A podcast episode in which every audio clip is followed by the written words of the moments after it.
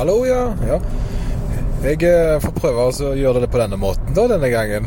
Meg og Moritz har jo funnet en uh, alternativ måte å ha podkast på, nemlig å lage en form for uh, Q&A best of-opplegg. Uh, og jeg har jo fått en del gode spørsmål på Instagram. noen ble litt personlige og litt vanskelige å gjerne svare på i plenum, men det var et par veldig gode. Og det første jeg har lyst til å snakke litt om, var jo da hva en gjerne gjør hvis en er den eneste i vennegjengen som har gjort en endring. og da var det vel egentlig mest tilsikta trening her på denne personen her, vil jeg tro.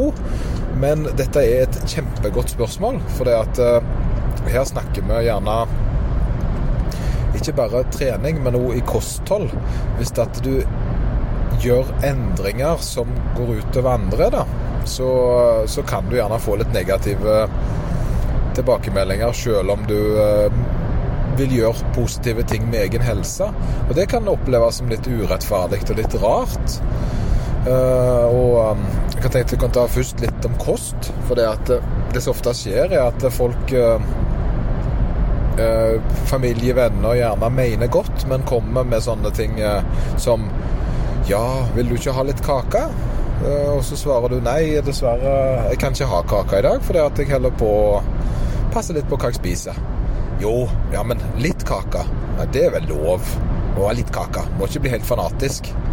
Uh, og, da, og, da, blir du på en måte satt litt i en sånn dårlig samvittighetssituasjon. Da, der når du egentlig er fullstendig klar over at du ikke har plass til den kaka den dagen der, og gjerne har lyst til å spise noe annet sant? Og senere på dagen, ellers ender du i et kalorioverskudd. Eh, og hvis dette skjer ofte nok, så kan det jo være ødeleggende for eh, en hel ukes framgang. Så det er klart at det, er litt eh, vanskelig å, å, å, være satt i den situasjonen. Så, så, så, da tenker jo jeg at det er lurt å begynne å se, se, på saken på en litt annen måte. Og det er bare å være tydelig og si nei takk, du, jeg skal ikke ha. Og hvis folk prøver da å gi deg dårlig samvittighet til det, så er det det bare greit å være tydelig. Så du, eh, det passer ikke. Jeg har ikke lyst på. Eh, for det at det Du blir fort den personen som sier nei. Eh, og det er ikke nødvendigvis en negativ ting. De aller fleste er bare ikke vant med at du sier nei i den situasjonen der, og tror at du da trenger bare litt overbevisning, og ønsker gjerne litt overbevisning. For det er ingen som ønsker deg vondt, ingen som ønsker å ødelegge for deg. Det er bare det at det er nytt. Det er nytt for de. De vet ikke helt hvor, om, de, om de nå at, Om de skal stille opp på, på ei side eller på ei annen side. Og så er det jo det faktum at hvis du får det til, så blir gjerne en annen person som du da er vant med å gjøre noe med, sittende igjen uten å ha klart det. Og gjerne føle litt på det sjøl, at ja, men hva med meg, da? Jeg, eh, jeg, har jo ikke fått det til. Og, eh, og, det er derfor jeg ofte ser at folk eh, gjerne prøver å få andre til å spise litt av kakeskåla eller godteriskåla og sånt. Det er jo fordi at de sjøl da kan få tillatelse til å spise, og at, at, de sammen på en måte lager en liten avtale om at det er greit at vi spiser litt begge to vi sklir ut litt begge to. Og det er klart Hvis den ene personen da er urokkelig, så blir den andre personen satt i en litt dårlig situasjon. Jeg tror ikke det er negativt for noen. Jeg tror eh, det er fint å kunne ta ansvar for egen atferd. Og hvis den personen der da ikke tør å spise fordi du ikke spiser, så har de gjerne en liten tanke eh, liten tanke de bør eh, revurdere. For det, det, det er en sjøl som er nødt til å ta ansvar for egne valg. Samme gjelder det med trening. Eh, det husker jeg jo sjøl. Jeg var jo ikke en treningsmann. Jeg var jo det motsatte. Jeg var jo en person som holdt på med data. Og det er klart at når jeg da begynte å trene og brukte mye av tida mi til det, så hadde jeg jo mindre tid til å gjerne gjøre andre ting. Eh, det betydde jo ikke at jeg ikke hadde tid til det. Det var jo bare det at jeg nå prioriterte flere ting.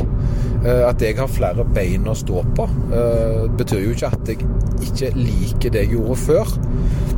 Så det er klart det at eh, hvis noen syns du eh, bruker for mye tid på noe, så er det jo fordi de ønsker å være der med deg.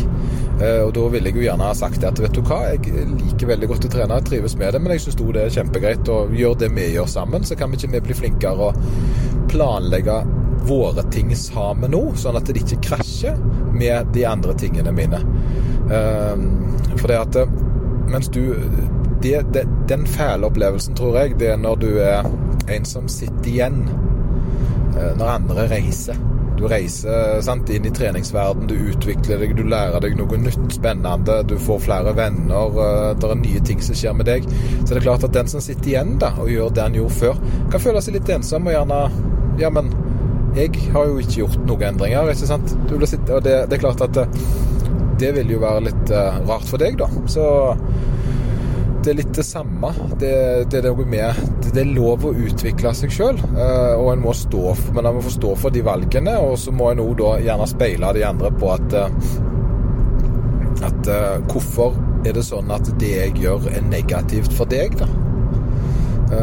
det er jo en ting de må gjerne gå, vurdere, vurdere.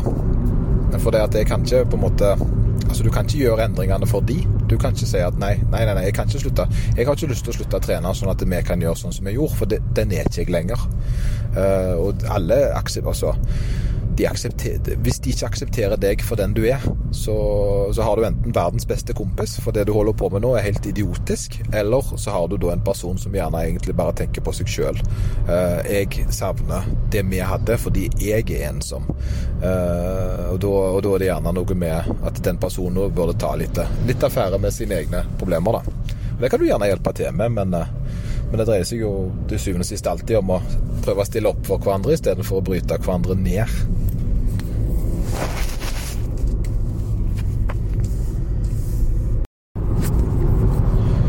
Fikk en god, et eh, godt spørsmål av, eh, av en eh, lytter, og det som jeg syns jeg har lyst til å bruke litt tid på. Det var da rett og slett hvordan du opplever ja, at du ikke blir stressa. Hvordan du klarer å bli tøffere, da. Mentalt tøffere på trening.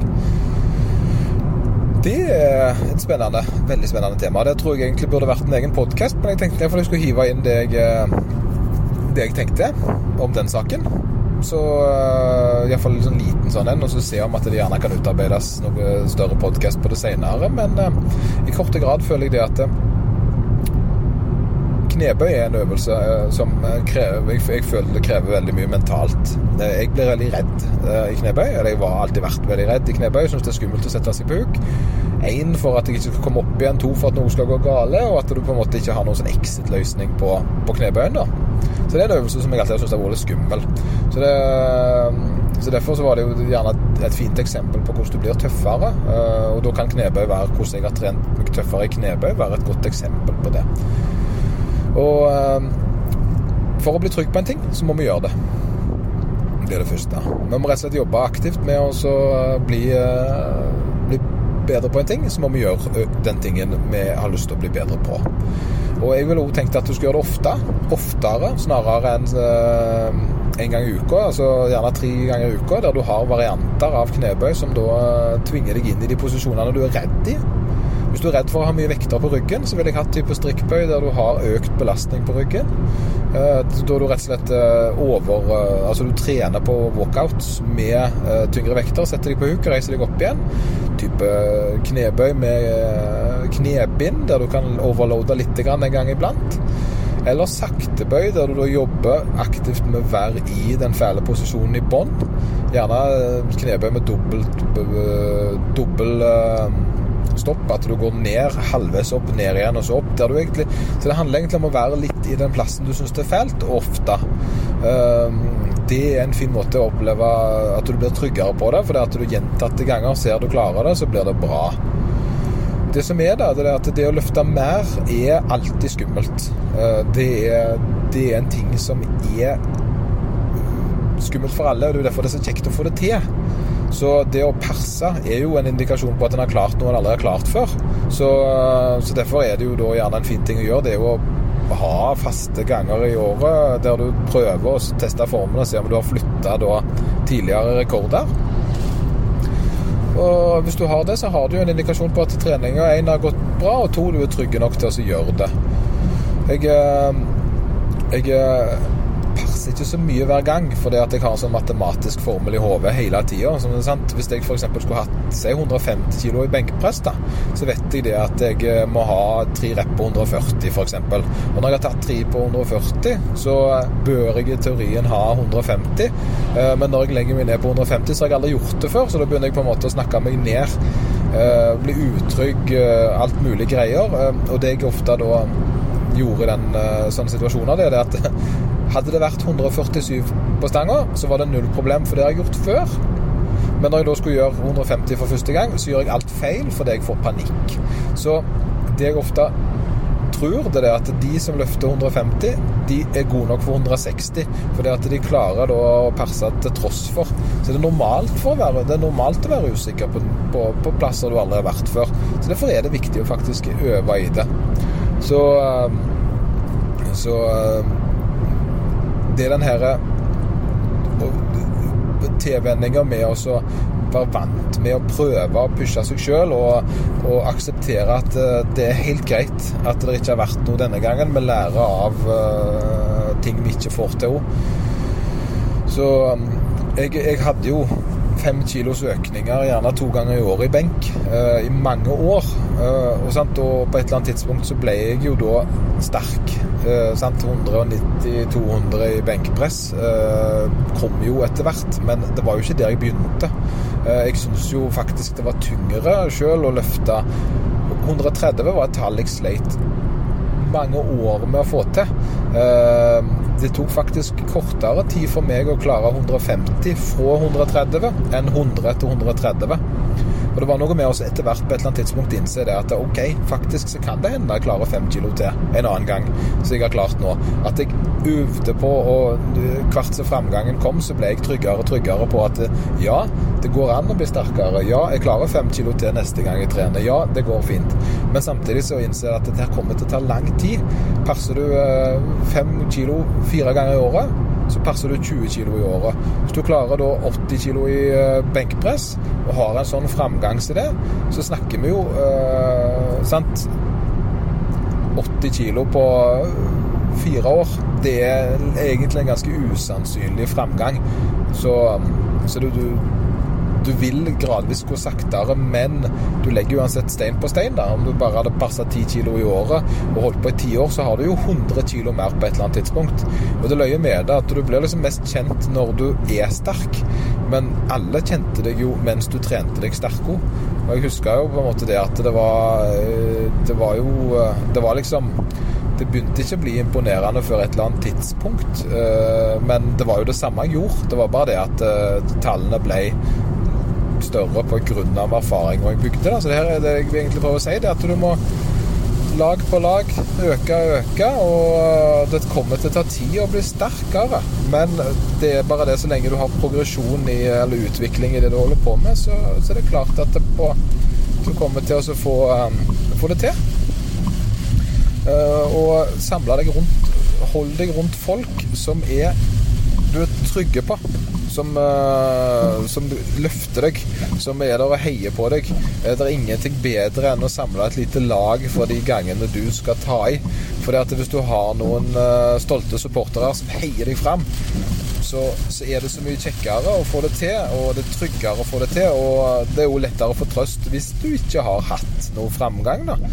Eh, det går jo faktisk god an å se på det sånn. Så jeg eh, samler, samler rundt folk. Men det gjelder jo ikke bare å bli sterkere, dette gjelder jo egentlig alle ting. Løpe fortere, gjør alt, all, absolutt alle aspekter, da. Men uh, gjør det ofte, og øv på det, og aksepter at det faktisk er deg sjøl du skal slå, og du er ganske god.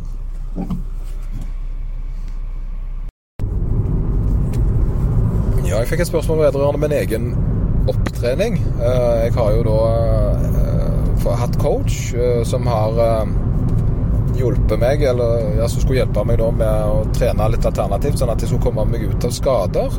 Og Det har jeg da gjort i tre måneder. Og dette er jo en person som jeg, jeg syns er veldig flink. Det var noe, og, men, tanken rundt dette var jo å gjøre det litt alternativt. Problemet for meg er nok at jeg er veldig satt i gamle gamle rutiner, styrkeløfter og sånn som så det. Og nå har jeg i en periode på tre måneder utelukkende gjort balanser, type rehab-øvelser for å aktivere muskulatur rundt i hoftene. Og jeg føler det at på den perioden jeg har gjort dette her da, så har det vært null framgang. Det er nok fordi at jeg er at skaden enten er mer, mer, alvorlig, eller fordi at denne type trening da ikke hjelper på en gammel eh, kropp som min. Jeg tror jeg trenger en større, større endring, da. Eh, jeg syns det personlig er litt rart å tenke at du skal kunne gjøre en stor endring med hofta ved å ta tre, nei, ti altså, type laterale sidehevbevegelser når du samme uke har 20 km med løping. Eh, det er for lite eh, det for, det, det, det er, ikke sannsynlig for meg at jeg klarer å lage, lage noen endringer i uh, muskelvev uh, på den måten der. Og jeg forstår det med aktivering. Uh, det tror jeg er veldig viktig. Jeg har tatt med meg en del gode ting. mobilitet og, og, og, mobilitetsopptrening og litt hvordan andre folk gjør arbeidet. Men jeg har da sett at akkurat denne skaden jeg sliter med, så tror jeg nok ikke at type tøying og mobilitet løser noe, da. Jeg tror eh, jeg må ha adopsjon. Um, og det vil også si at eh, for å bli frisk med min skade, som da er en eh, type hofte, hofterygg, så skal jeg jo foruten å ta MR for å se om det er en om det har kommet et eller annet strukturelt feil, så kommer jeg da til å begynne å gradvis trene meg inn igjen i de øvelsene som er smertefulle, som da er knebøy og markløft. Og sumo-markløft. Egentlig alle øvelser der jeg har belastning på framsida av kroppen. Jeg kan gjøre eh, utfall, og jeg kan gjøre ting som, eh, som ikke tvinger meg framover. Så, så, jeg tror da at min måte å trene framover på det, blir å rett og slett gjøre bevegelsene som gjør vondt. Som knebøy-posisjon, altså det å sitte på huk, med lav nok belastning til at jeg ikke til at jeg ikke kjenner smerte, eh, og øver inn da eh, bevegelsesbanen på ny igjen og gradvis øker belastning. Samtidig som jeg skal jobbe litt med, med hoftene og, og, gjøre, og, og, gjøre, det. Det sier seg jo sjøl at jeg, det er lurt. Alltid det å jobbe. Veldig mye av problemene til folk kommer fra hoftene, eh, så jeg vil jo da ta dette på alvor. Og jeg kommer nok til å jobbe mer med, med å type enfotsøvelser framover. Type utfall. En god regel er hvis utfall eller lunges er veldig vanskelig for deg, så er det en øvelse du må gjøre. Du, men måten du skal tenke på, er å finne ut når er utfallet ok. For du har forskjellige nivåer på øvelser. Det er jo sånn jeg opererer. Det er at ok, Hvis jeg ikke klarer vanlig utfall da, framover, at det kjennes i kne, eller hvor det kjennes hen. At jeg har for lav, lav be, bevegelighet til det, eller enten tøyelighet eller rett og slett for lite stabilitet. Så må jeg ned i vanskelighetsgrad. Kanskje oftest ser jeg at bakoverutfall er bedre. Bulgarsk utfall kan være bedre. Men hvis jeg ikke får til noen av disse type utfallene, så går jeg da enda lenger bakover. Går opp på type klasse step-ups. Step der du da går opp på en høyde. Det vil som oftest gjøre folk kapable til å klare den øvelsen uten smerter. Eh, og da begynner vi det, og så tilfører jeg vekter. Og når jeg har gjort det en periode, så øker jeg da vanskelighetsgraden med å gå over til neste type utfall. Så det er en adopsjonsprinsipp som vi da gjør eh, for alle uten skader òg, hvis de ikke klarer å mestre en ting. Eksempelvis med knebøy. sant? Hvis du ikke kan knebøy, så begynner jeg gjerne med en type goblet squat, kettlebell squat. Kjører opp da til det enda lavere. At de holder seg fast i noe. En TRX-knebøy der de holder seg fast i et tau mens de setter seg på huk. Landmine-knebøy, frontbøy, safety bar, og så til slutt da en klassisk backsquat, eller en squat, som det heter på ordentlig. Så, så, det er jo en adapsjon. Og da tenker jeg at for min del så tror jeg nå at jeg i en periode skal prøve å jobbe aktivt med adapsjonsprinsippet. At jeg da begynner å bare rett og slett bare jobbe meg inn i den eh, bevegelsesbanen som gjør vondt. Og det tror jeg er kjempeviktig.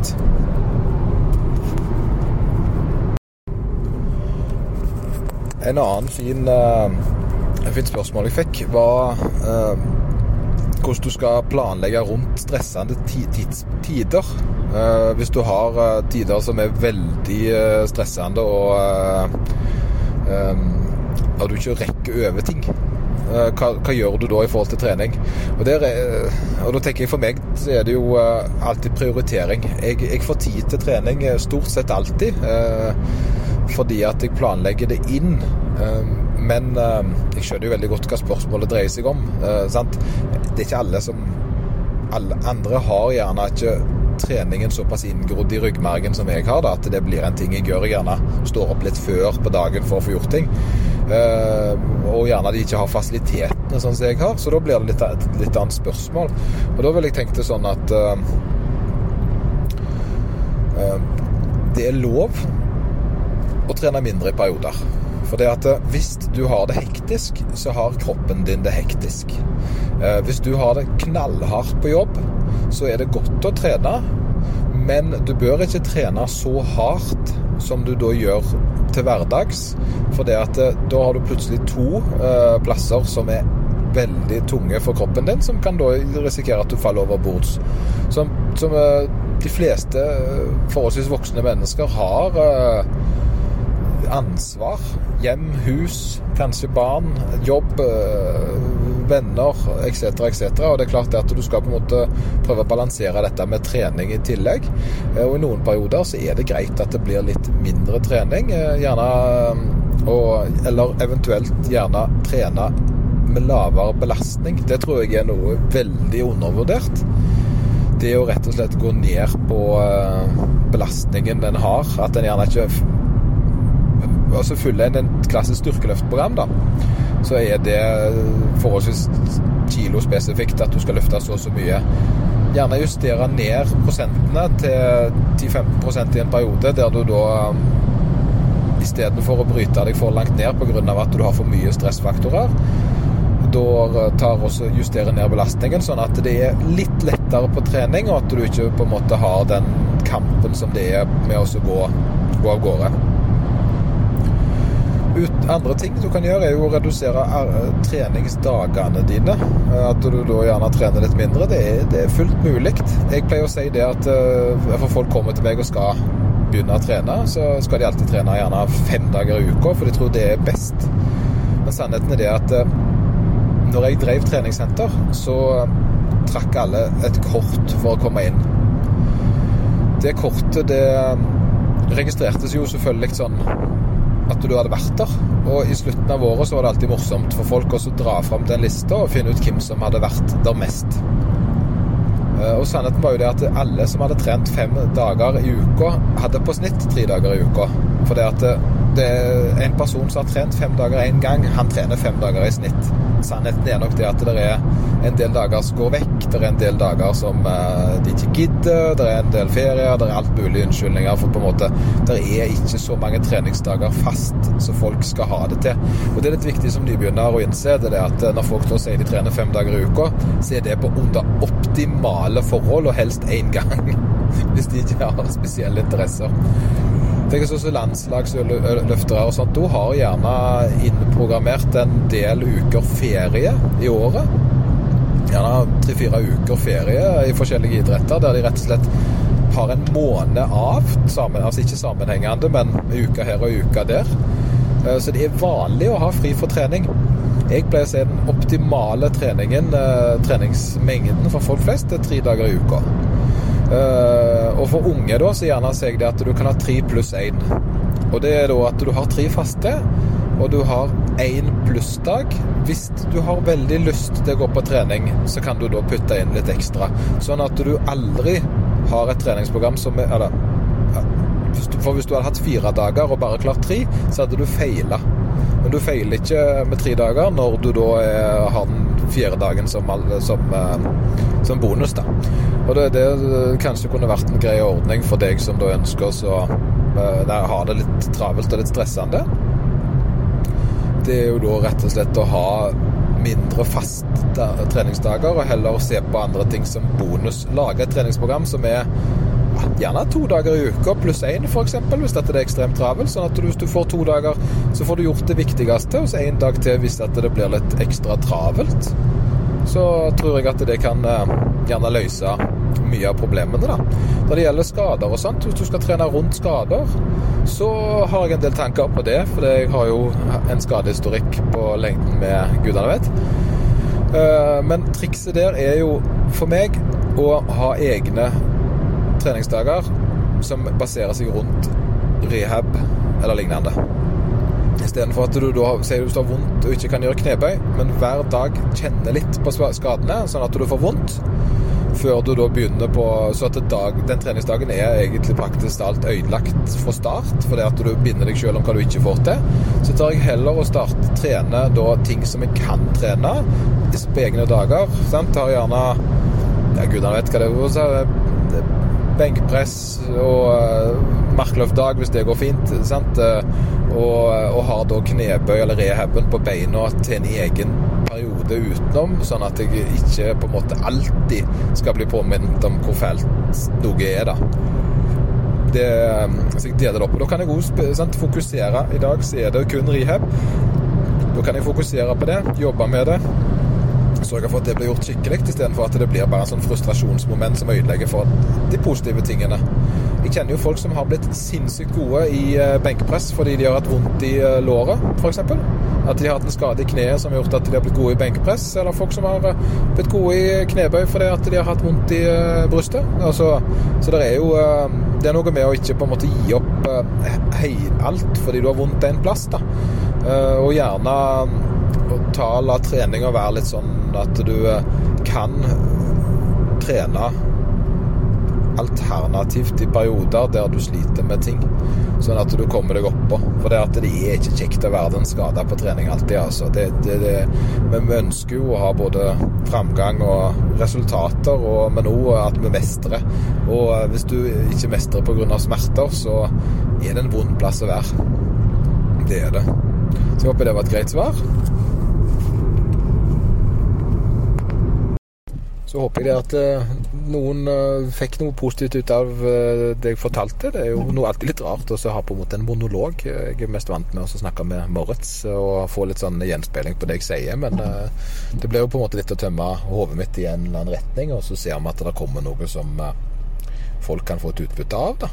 Så, så, det håper jeg jo at det var greit. Det, nei, jeg vet iallfall en som ikke kommer til å synes det er noe stas. Det er jo da vår faste Haterman. Uh, han har jo vært på tre uker på rad der han sverger han aldri skal høre på oss igjen, men likevel uh, sender en sure mail etterpå. Uh, nå har jo har vi jo gjerne hinta litt på at han gjerne er forelska i enten meg eller Moritz. Uh, litt usikker på hvem av oss det er, men, men det ble ikke mindre kok i mailmappa vår.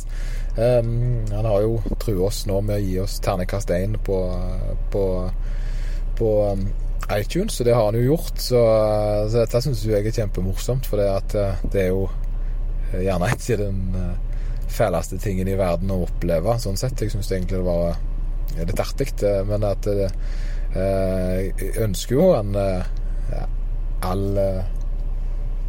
all glede, og at han har det bra. Det er jo det viktigste, det. Jeg håper jo at det går bra med han, og at han gjerne skjønner at vi tøyser. Vi. At det ikke er på alvor, det vi sier. Yes, yes, hallo. Da tar jeg over eh, stafettpinnen etter Lloyd her, skulle jeg si, som svarte på noen av deres spørsmål. Jeg tenkte da å fortsette å svare på tre spørsmål som vi har fått inn. Eh, før jeg starter, så vil jeg bare som vanlig mase på Husk å dele podkasten hvis du fikk spørsmålet litt besvart, eller du fikk svar på noe du lurer på, og har lyst til at vi skal ha flere sånne Q&A podder, da, så er det jo bare å være ivrig med å dele og sende oss feedback. Da skjønner vi at ja, OK, dette her er noe folk vil ha. Og ellers så er det jo det å gå inn på iTunes og subscribe og gi oss en vurdering der. Eh, så leser vi dem høyt her. Og hvem vet, kanskje vi lodder ut en liten gevinst etter hvert. Det rykter. Rykter går. Anyway, det var det vil si var del podkasten hvis du liker den, og subscribe der du hører den. Og nå til spørsmåla. Det første spørsmålet er det med hva egentlig det å få melkesyre, eller det at du ikke klarer å trene mer Eller spørsmålet var hva er muskelmelkesyre? Og enkelt og greit så er det melkesyre, akkurat som når du løper. Og grunnen til at dette her oppstår, er uten å gå altfor mye i dybden her, for her kan gå Her kan man gå langt, langt inn i dybden på hvordan melkesyre oppstår og slik, med energiprosesser etc. Men for å ta det veldig enkelt, så kan kroppen lage energi da, på to måter. Det er med oksygen, aeropt, og uten oksygen, anaeropt. Altså, den bryter ned bl.a. glykogen og fett og muskel, muskelmasse. Bryter kroppen ned til å bruke som energi, da, slik at musklene kan trekke seg sammen. Hvis arbeidet du gjør, altså treninga du gjør, er på en litt lavere intensitet, altså belastning, så rekker kroppen å bruke oksygen fra lungene og blodsirkulasjon til å bryte ned glukogen på en god måte, slik at eh, musklene får den energien de trenger for å trekke seg sammen. Men som du sikkert har opplevd, når du jobber på veldig høy intensitet, så kommer det et punkt der du får melkesyre, og der du stivner. Og det er enkelt og greit fordi eh, når du jobber mer intensivt, så er det mer behov for energi. Musklene trenger mer energi raskere. Problemet her er at kroppen ikke kan levere energi, eller drivstoff, altså glykogen, så mye raskere. Det tar rett og slett tid å bryte ned. Men når, kropp, når da muskulaturen sier vi trenger mer og raskere, så må kroppen ta noen snarveier. Eh, når det bryter ned glykogen. da. Og når disse snarveiene blir tatt, så dannes det avfallsstoff. Eh, og disse avfallsstoffene er melkesyre, da. Det vil si at glukogenet blir ikke brutt ned fullstendig, slik at kroppen kan bruke det som energi, men det blir gjort sånn halvveis.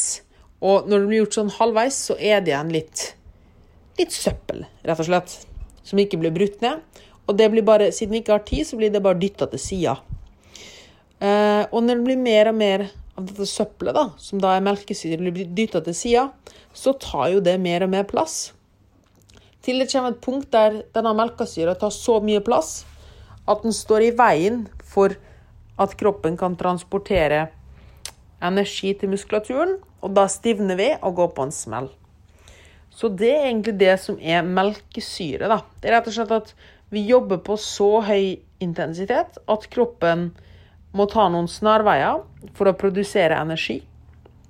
Og når kroppen tar seg av snarveiene for å produsere energi, så kan den ikke bryte ned glykogen fullstendig, for den har ikke nok oksygen tilgjengelig. Som da fører til at det er en opphopning av avfallsstoff. En enkel og grei måte å tenke på er en trafikk, eller en autobane, eller en ah, Hva det heter på norsk? Uh, Norges språk, vanskelig språk. Um, motorvei. Når, på, når, alle bilene på motorvei kjører i 100 km i timen, så går det ganske greit. Men hvis, og det er det som er fartsgrensa, da.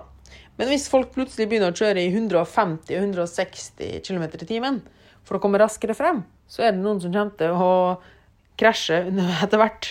Og desto flere som krasjer, og de som krasjer, er da i dette tilfellet melkesyre, da, som hopes opp. Og motorveien er da transportveiene inn til musklene. da. Og desto flere som krasjer på den motorveien fordi det er så mange som kjører fort, desto mindre plass blir det til motorveien. Og når du da stivner helt pga. melkesyre, så har det rett og slett krasja så mange biler at det ikke går fremover lenger. Altså at det ikke er plass å kjøre på motorveien lenger. Så sånn kan man tenke litt på det å få melkesyre, da. Det er enkelt og greit at vi jobber på så høy intensitet at muskulaturen vår krever mer energi enn det kroppen vår kan gi den. Um, så da må den ta noen snarveier for å kunne gi nok energi. Og gjennom sa snarveiene dannes da avfallsstoff, som da er melkesyre. Når det blir så mye avfallsstoff, opphopning av avfallsstoff at det ikke er plass til å transportere mer energi til muskulaturen, så stivner vi. Så det er muskelmelkesyre. Sånn kort og gærlig forklart. Selvfølgelig kunne man utdypa uendelig her, men bla, bla, bla.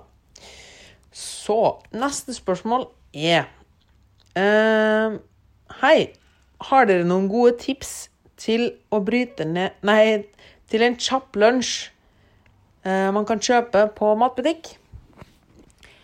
Ja, da tenker da at du vil ha noe som du ikke må tilberede, eller noe slikt. Og da er noe som veldig mange tenker over, det er pålegg. Pålegg er helt fantastisk. Det metter og en god proteinkilde. Og spesielt da kjøttpålegg. Så det vi ville tenkt uansett, er start og planlegg måltid ut av en proteinkilde. Så da tenker du jeg trenger en god proteinkilde. Hva kan det være på butikken som vi kan tilberede?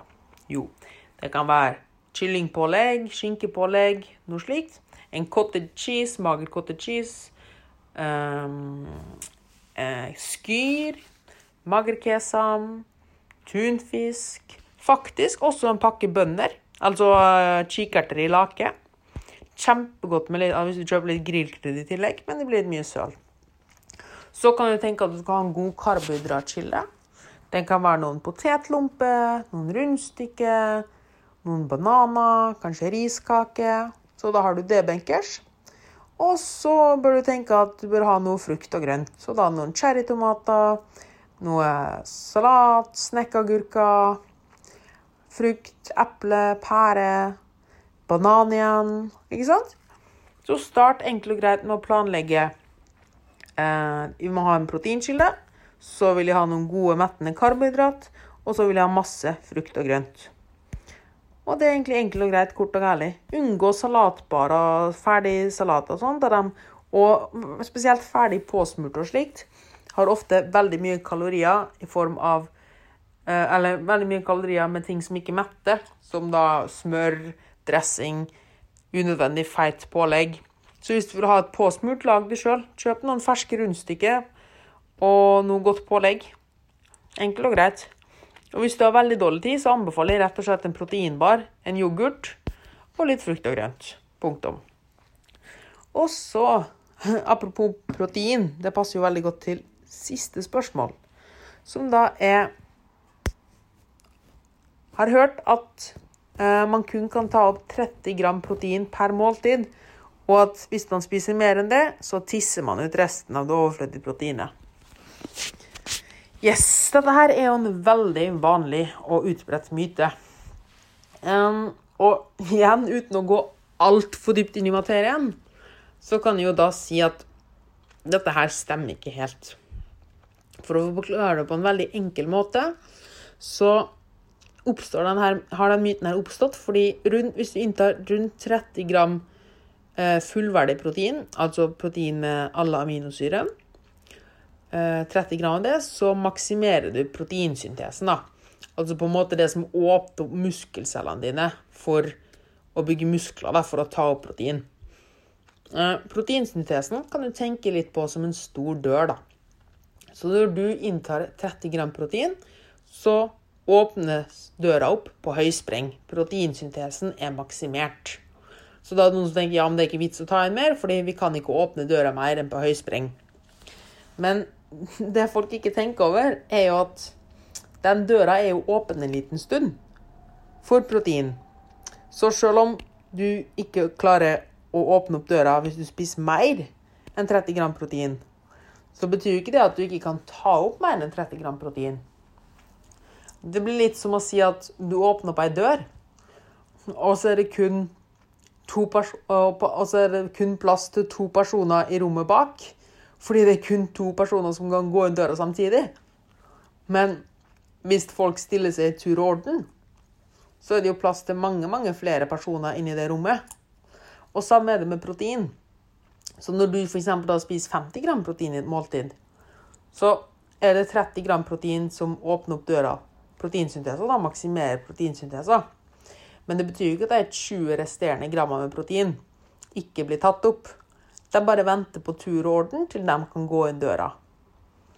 Så enkelt er det. Og det som kan ha vært å nevne videre Selvfølgelig vil det komme et tak til hvor mye protein vi kan ta opp.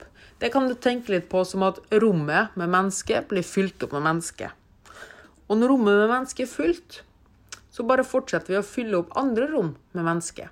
Så når, protein, eh, når musklene har fått mer enn nok protein, så er det ikke sånn at du tisser ut resten av proteinet. Men resten av proteinet blir rett og slett fordelt i andre rom i kroppen. Dette proteinet blir da brukt til hårvekst, eh, at neglene dine skal vokse, at ligament skal vokse, eller at det rett og slett blir brutt ned til energi, altså glykogen, som kan bli lagra til seinere. Så nei, du tisser ikke ut overflødig protein. Men hvis du vil ha ting optimalt, så vil det være lurt å stimulere proteinsyntesa så ofte som mulig. Så i stedet Og dette, snakker, dette er ikke kjempeviktig, men det, hvis du vil ha ting veldig, helt optimalt, da, så vil du, helst, du vil jo heller åpne opp død proteinsyntesa, altså den døra til rommet, fire ganger i løpet av dagen, i stedet for å åpne den én gang, og så må folk stå i tur og orden, og så risikerer du at noen av proteina går et annet sted, da. Fordi de rett og slett er lei av å vente, hvis du vil ha det enkelt og greit. Så ved å ha litt, min, litt flere hyppige måltid med rundt 30 gram protein, så sikrer du at det mesteparten av proteinet faktisk går inn i muskulaturen. da. Mens hvis du f.eks. spiser alt, alt proteinet ditt i ett måltid, så vil en større andel av dette proteinet her gå til andre prosesser i kroppen. Eller du kan tenke på at mennesker i køa altså de venter på at de skal inn i muskulaturen, eller inn i rommet sitt. Men de blir lei av å vente, så de går inn i andre rom. Det kan også skje hvis du spiser f.eks. 100 gram protein i et måltid. Så Døra åpnes bare av 30 gram protein, og det resterende proteinet må vente til det får lov å gå inn døra. Og hvis det må vente for lenge, så orker ikke å vente lenger og går til andre ting. Så det er der den myten oppstår, med at du kun kan ta opp 30 gram protein per måltid. Det stemmer ikke helt. Som sagt, 30 gram protein er ca. det som skal til for å maksimere proteinsyntesen. Men det andre proteinet det bare venter på turorden til det kan gå inn døra. Så nei, du tisser ikke ut overflødig protein. Helt til slutt, sånn at du kanskje får en litt bedre forståelse for det, så kan du også tenke på at før i tida um, så var jo f.eks. jegere og sankere ute og jakta, f.eks. Og da slakta de kanskje dyr på jakt en gang i uka. Og spiste kjempemye kjøtt, som da var primære proteinkilden, en gang i uka. Eller kanskje en gang per dag, da. Det hadde vært veldig dumt av kroppen vår om den bare skulle si Nei, vi tar bare opp 30 gram protein. Sorry, ass, men resten bare tisser vi ut. Da tror jeg ikke at mennesker hadde overlevd til nå. Så jeg tror kroppen er litt smartere enn som så. Og de bruker det de får. Ingen fare. Så. Det var det vi hadde for i dag. Tusen takk for at du hørte på. Vi beklager at det ble en litt annerledes podkast, men hvem vet? Kanskje det var noe dere likte? Og hvis dere vil at vi skal fortsette med slike podder, så er det jo da selvfølgelig bare å sende feedback. Og helt til slutt, så husk å like oss like, Nei, del podkasten vår, subscribe til podkasten vår, gi oss en vurdering. Del på Instagram. Og hvis du vil vite mer, så kan du gjerne gå inn på ptservice.no sine nettsider og sjekke ut artikkelserien vår. Eh, der har vi veldig mange fine artikler som tar for seg diverse myter og slike ting. Og der er det også lov å sende inn ønsker om artikler og temaer vi skal ta opp. Og med det sier jeg sjalabais og takk for nå. Tullu!